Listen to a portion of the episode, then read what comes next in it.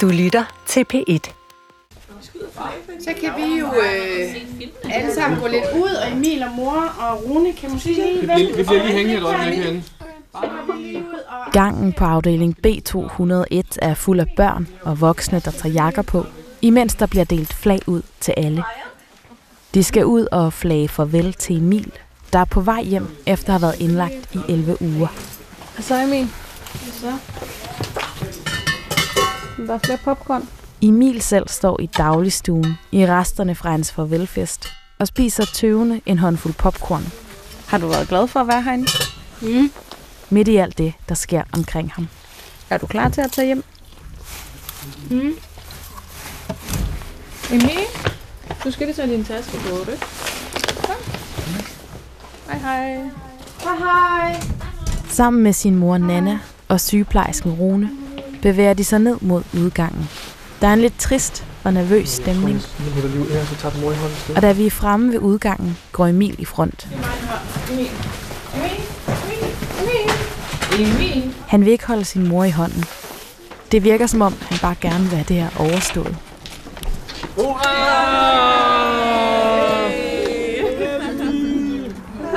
Jeg kommer til at savne dig. Da døren går op, står personalet og de indlagte børn, alle i to rækker, og vinker farvel i en flagallé. Men Emil kigger ned i jorden og skynder sig hen mod bilen sammen med sin mor.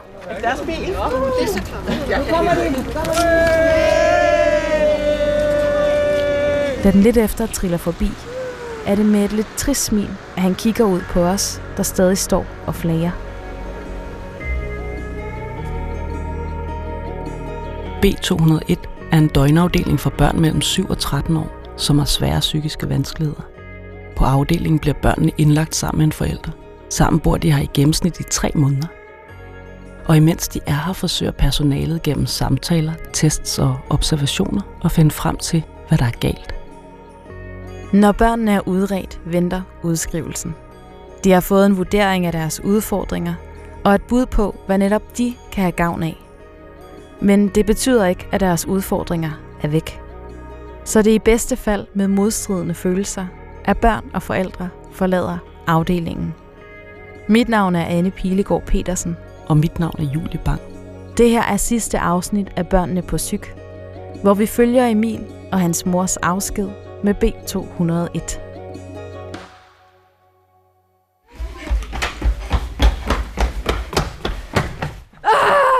Hej er du klar? Ja. Men hvor, øhm, hvor skal vi starte henne? Det er en uge før Emil skal hjem, Hallo? og han løber hjemmevandt rundt på gangen. Vil du prøve at høre dig selv? Okay. Det er det hovedtelefonerne. Hallo? Kan du høre Hej. dig ret højt? Oh my god. Der er konstant fart på Emil. Hver gang jeg tænder optageren, kommer han for at sige noget i mikrofonen. Jeg har løbet meget. Du kan godt høre det.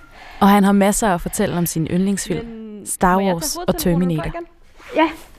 Skal vi starte ved dit værelse? Og lige nu har han lovet at vise mig rundt. Det her er mit værelse. Og min mor er her ikke. Din mor har ikke. Skal vi prøve at kigge? Hvad har du derinde? Men i de 11 uger, han har boet her på B201, er der sket meget. Det kan man se på det værelse, han deler med sin mor. Men det er faktisk, at her er min Terminator-billede, og her er min elefantbillede. Jeg kan godt lide elefanter, men så er der Star Wars-billeder her, og Marvel og rummet. Og det er det. Du har faktisk to Terminator. Du har også et billede det er her. bare min, det er min lønningsskema, så jeg ikke vasker fingrene for meget. Fordi at, ja, det gør jeg. Men så er det, at jeg får klistermærker, og så får jeg øhm, noget, en gave, hvis jeg har klaret alle af den. Altså vil det sige, når du ikke vasker hænder, så får du sådan et øh, klistermærke? Øhm, ja. Eller jeg skal vaske fingre, om jeg har været på toilettet, eller jeg gør det. Men der var en gang, så jeg vaskede jeg det alt for meget. Og så var det, at mine fingre gik i opløsning. Og så var det, at men nu vasker jeg ikke så for mange fingre, som plejede. Men så er det, det er faktisk derfor, jeg er her. Men, men så er det også for en anden grund, men det gider jeg ikke sige. Men så er det derfor. Man behøver heller ikke sige det. Ja. Men det giver god mening. Okay, men du er da gået noget ret langt. Altså er det så også klistermærker fra Terminator, der er på det? Ja, det er Sarah Connor, det er Terminator, men det, det er Marcus, men det er en T-800, det er en T-800, og det, og det er Arnold Schwarzenegger. Det er ret sejt. Men så er det så, men nu, nej, men hej hej. Men tak, fordi du ville vise mig rundt, Emil. Det er også i orden. Tusind tak.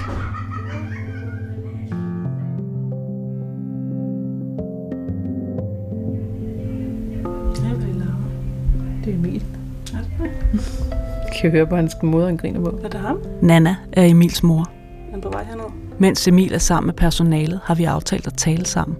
Vi kan ikke være på værelset, hvor Emil løber ind og ud. Og ind og ud. Så vi sætter os i forældrestuen. Nana er dødtræt. Man sover dårligt på afdelingen. Fordi jeg har meget lyt. Og Nana sover ekstra dårligt. Men jeg har nok vendet mig lidt til alt det der, men nu er det jo så bare øh, altså bekymringer og med Emils fremtid. Og det har jeg altid. Altså det, jeg tror ikke, jeg har sovet i en, sådan igennem i mange år, 12 år, ligesom Emil. Nana har altid vidst, at Emil var anderledes. Alligevel kom han på en almindelig folkeskole. Startede han i en normal skole? Han startede i en normal skole, ja, da han var fem år, og det blev meget kunstigt gjort ham klar til, at han skulle kunne holde blyanten i hånden og øh, skrive sit navn på øh, to stykker af fire papir, fordi han skrev sådan kæmpe store bogstaver. Ikke? EM på det ene, og så IL på det andet.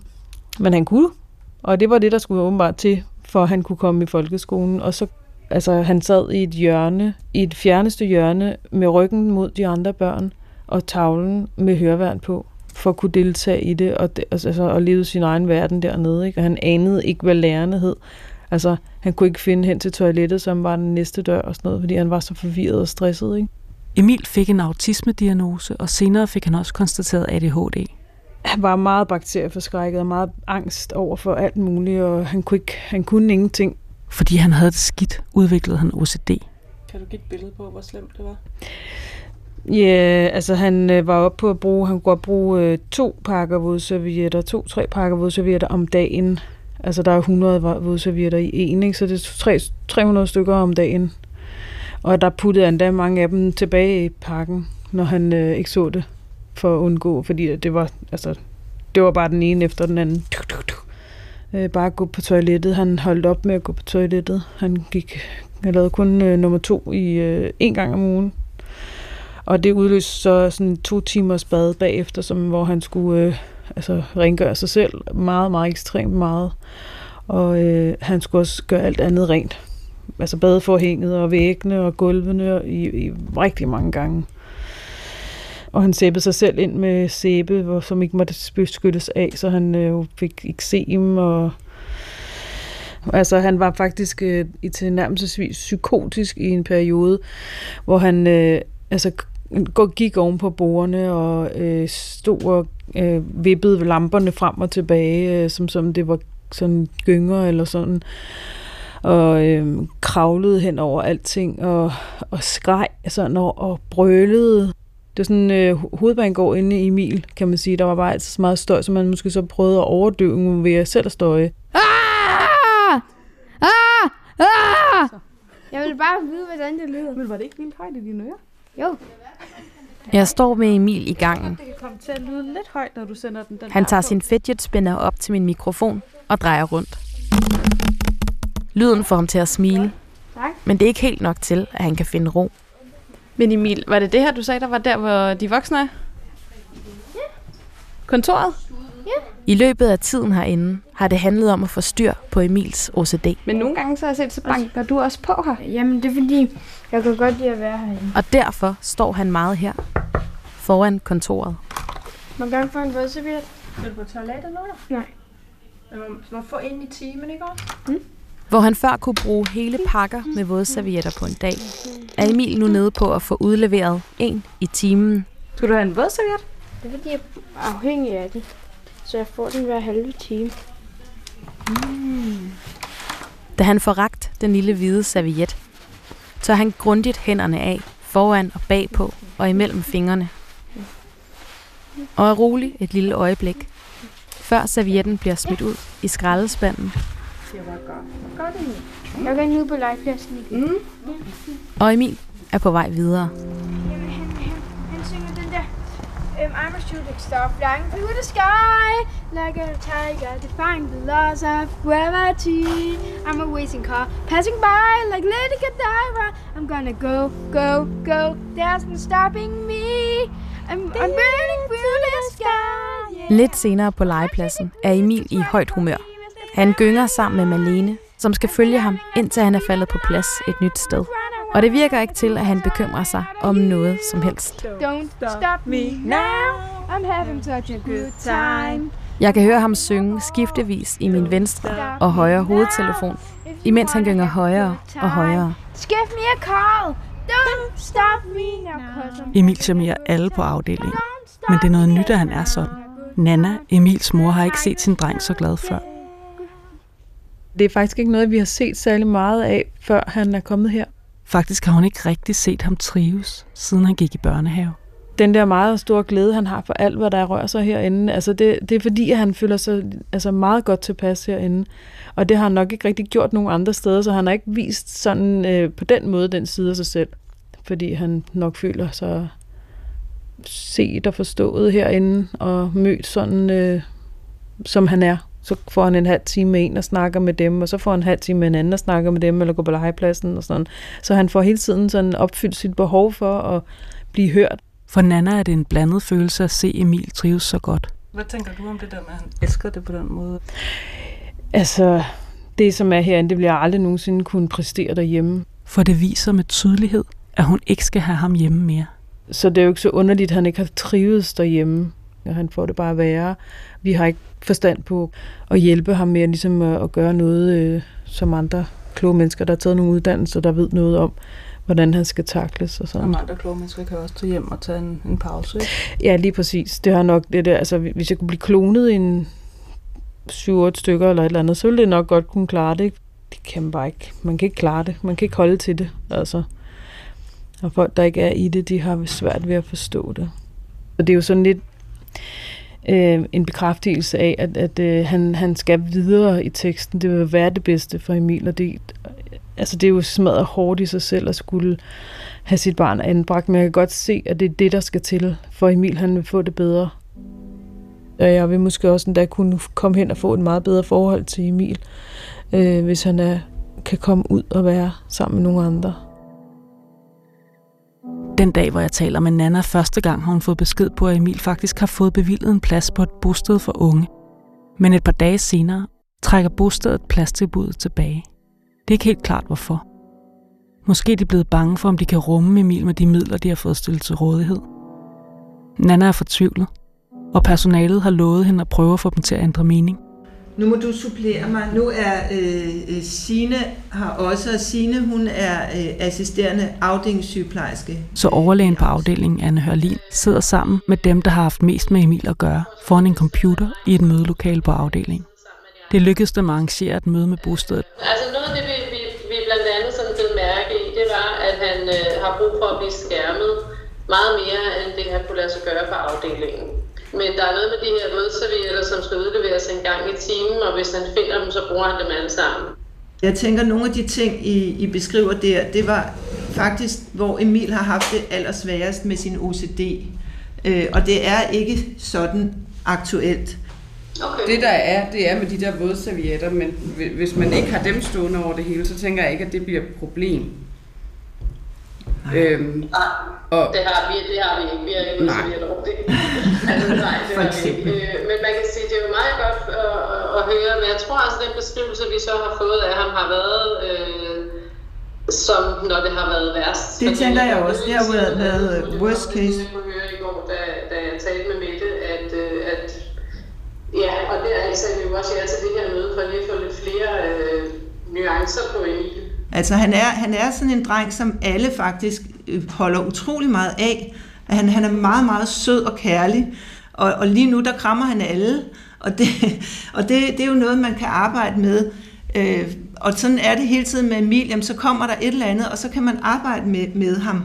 Men, men mor har talt med Emil om, at han skal ja. bo et andet sted. Og det han, øh, hvad jeg hører, er Emil positiv omkring det, og har også selv i talt, at han gerne vil være et sted ligesom 201. Vi, altså, der er jo nogle ting, som vi, øh, vi, vi skal, ja, det ved jeg ikke, hvordan du, om vi skal øh, spørge Amir, Amir, Amir. Mødet slutter med, at bostedet vil overveje deres afslag igen. Yes. Godt. Det er godt. Vi skrives ved. Ja, så tak. Ha' det godt. Hej. Ja, de vil ikke kunne stå for ham. ser ham. Okay. Ja, det var dejligt. Puha. Godt arbejde med det. Hvor er det Ja, fedt. nu øh, ja. håber vi, de skriver hurtigst muligt, ikke? Ja. Og så tager vi næste skridt. Så tager vi næste skridt. Er det så nervepirrende, altså hver gang I skal have barn videre, som vi lige har set? Altså jeg kunne godt se på jer, I var strakt jer til jeres yderste for at det- beskrive ham på en måde, så han kom godt sted hen. Ja. ja, altså, vi er det eneste døgnafsnit i regionen, og det vil sige, de børn, der har været indlagt hos os, det er jo nogle børn, som som udgangspunkt har haft et ekstremt dårligt funktionsniveau og har det meget skidt. Fordi det er jo netop børn, der har, og familier, der har været isoleret rigtig, rigtig lang tid, før de kommer her. Og, og hvad kan man sige, den største frygt er jo, at der ikke er nogen åbne arme, og at der ikke er et tilbud, og at barnet kommer hjem igen. Så det funktionsniveau, som, som vi har fået op, og det, og det håb, som, som både barnet og familien har fået, at det ligesom glipper. Hvilke muligheder har I for at påvirke, hvilket tilbud de får? Vi har mulighed for at beskrive barnet, øh, og det er sådan, at det er jo ikke os, der bestemmer. Altså vi må ikke bestemme, at det skal være det og det tilbud, den og den institution eller den og den skole, men, men vi må gerne beskrive barnets funktionsniveau og hvad der hjælper barnet. Så det er det, vi gør os rigtig meget umage med. Men det er jo også fordi, at, at øh, der er jo børn, som faktisk ikke kan komme hjem øh, efter indlæggelsen her, som i Emils tilfælde. At han kan ikke komme hjem, fordi der, der er simpelthen ikke forældre. Forældrene er fuldstændig, de, de kan ikke varetage den opgave. Og det er ikke fordi, de, de er dårlige forældre, det er fordi, at Emil er meget udfordret. Så tanken om, at han skal have en eller anden mellemstation, eller et mindre godt sted, det, det, det er klart, det bliver vi jo meget påvirket af. Det kan I ikke holde ud. Det kan vi ikke holde ud, fordi at vi kommer jo til at, at holde utrolig meget af de børn og de familier, så vi bliver selvfølgelig påvirket af det. Er du ved at pakke? Ja. Et par dage senere møder jeg Nana på hendes og Emils værelse. Så pakke det hele. Hvad hedder det, men har du fået nogen besked endnu på, hvad der sker? Nej, vi venter med længsel. Øh, og utålmodighed på, at der er nogen, der har lyst til at ringe. Nej, ingen, ingen beskeder på telefonen. Hvor mange gange i timen tjekker du det nu? Åh, det ved jeg ikke, sådan noget hver andet minut eller sådan noget, cirka. Det ved jeg ikke, hvor mange gange det er i timen. Hun begynder lidt halvhjertet at pakke.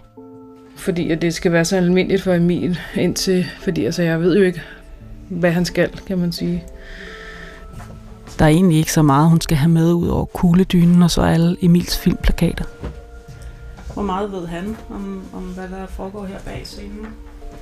Han ved i hvert fald godt, at han skal videre et andet sted hen. Men altså, øh, han ved ikke helt præcis, tror jeg, hvad det sådan helt drejer sig om. Han har fået nogle små, små hints om det, ikke? Og han er begyndt at sove selv herinde øh, uden mig, og sådan skulle øve sig på det, og det vil han rigtig gerne. Så øh, det er også, han er faktisk også klar til at tage skridtet, tror jeg. Men ja. Sådan er det helt uvist, kan man sige.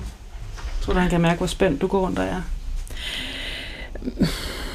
Det, det ved jeg ikke, men jeg tror, han kan fornemme en, en uh, ændring i min væremåde, sådan selvom jeg prøver at tage stoneface på, så, uh, så kan jeg bare ikke rigtig. Altså, jeg har været sådan lidt følsom, og altså, fordi man går i sådan nogle øh, ekstremer, altså, så skal man forholde sig til det ene ekstreme for, og nå, det skal du ikke alligevel, nu skal du forholde dig til noget andet ekstremt, altså.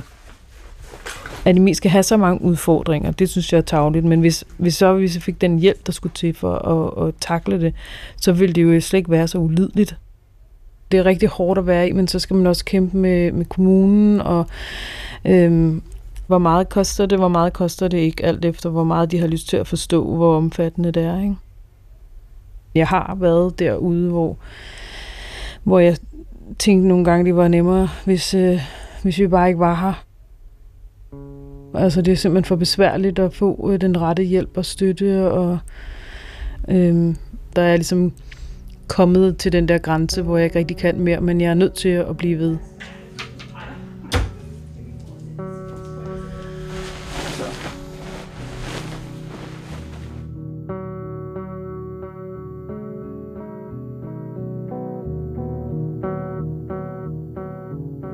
Hallo, i dag er det Emil. Ikke skal være her fødselsdag. Hurra! Hurra! Hurra! Det er morgen på dagen, hvor Emil skal udskrives. Han virker urolig og lidt op at køre. Man kan mærke, at dagen med alle dens forandringer og usikkerheder er en udfordring for ham at være i. Emils fødselsdag. Hurra! Hurra! Hurra! Du sidder her i stolen og. Før der skal være afskedsfest i tv-stuen, Nu kommer ingen. sidder Emil der. Det, lige nu er det dig, bare dig, der skulle vide noget mere. Nana pakker ham ind i en kuglesækkestol, så han kan få ro. Hun er i sofaen ved siden af, Så har jeg gemt den herinde. Prøv at se, hvor er den er. Sådan så ikke du, du kunne se, hvordan den så ud inden. da sygeplejersken Rune hiver et lamineret A4-ark frem fra under sin skjorte. Mandalorian! Prøv lige at vente den om. Der er printet et stort Star Wars-billede på forsiden, What the shit? Og den er jo lavet af dine faste kontaktpersoner. og bagpå er der skrevet en tekst til Emil. Den er også lidt for alle os andre, fordi vi kan jo rigtig, rigtig godt lide dig alle sammen. Mm. Det, man her på afdelingen kalder en udskrivelsesfortælling. Nu læser jeg den op. Er du klar? Mm. Okay. Kære Emil, du har været på B201 i 11 uger, og vi vil sige farvel til dig, og tak for denne gang med det her diplom. Mm. Vi synes, du er en sød og skøn dreng med en god humor. Fortællingen er personalets måde at give børnene en beskrivelse af, hvad der egentlig er foregået under deres indlæggelse, med fokus på de positive forandringer, der er sket. Så det hele ikke står som en tåge, når de tænker tilbage på tiden på hospitalet. Og den tid, du har været her på B201, den har du klaret rigtig, rigtig godt. Og ting, du har klaret, mens du har været her, der har vi set, at du har klaret gå i skole hver dag, Mm. og du har deltaget til samling.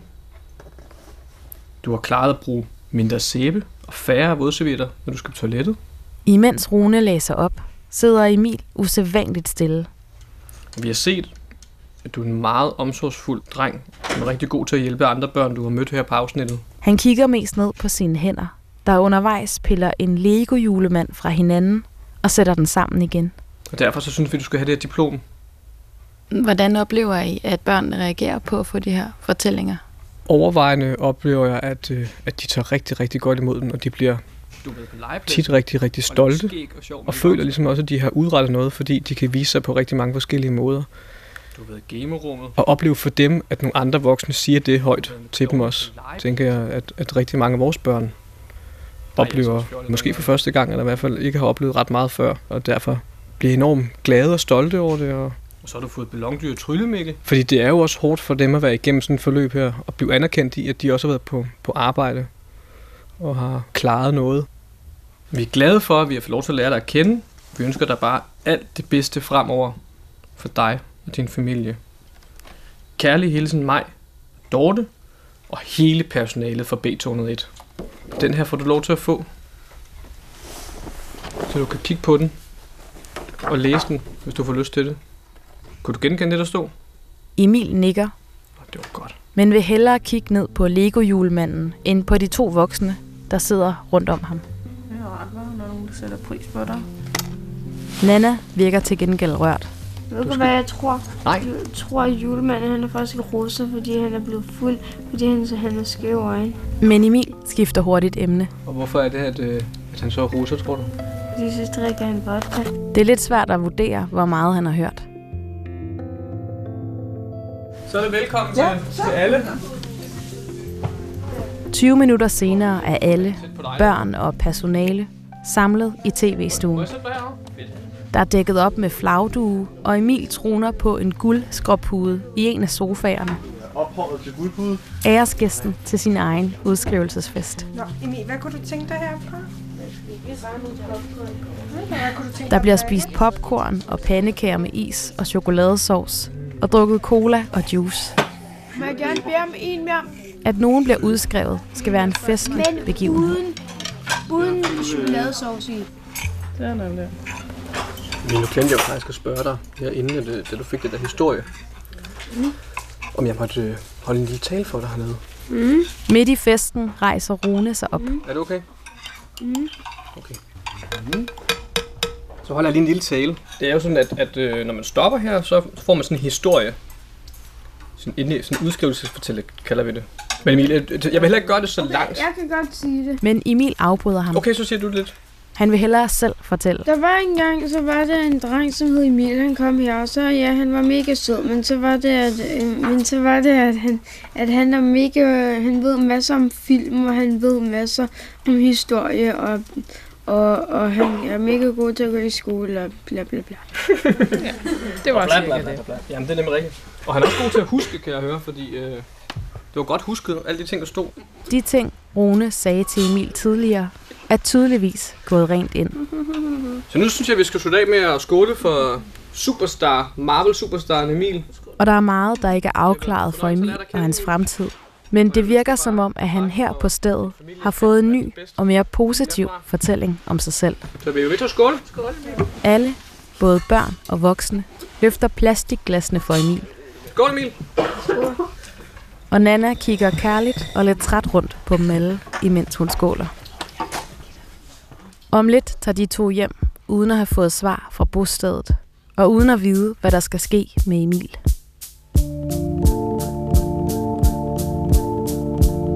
Der går over en måned, før Emil og Nana får svar. Her venter de derhjemme, men for så at vide, at Emil har fået plads på bostedet. Og der bor han nu. Heldigvis går det indtil videre godt, fortæller Nana. Emil er glad der, og hun er ved at vende sig til livet i en lejlighed, hvor alt er markant mere stille end før. Du har lyttet til Børnene på Syk. Serien er tilrettelagt af Julie Bang og mig, Anne Pilegaard Petersen. Redaktør er Rune Spar Gertsen, og vi vil gerne sige tak til børn, forældre og personale på B201.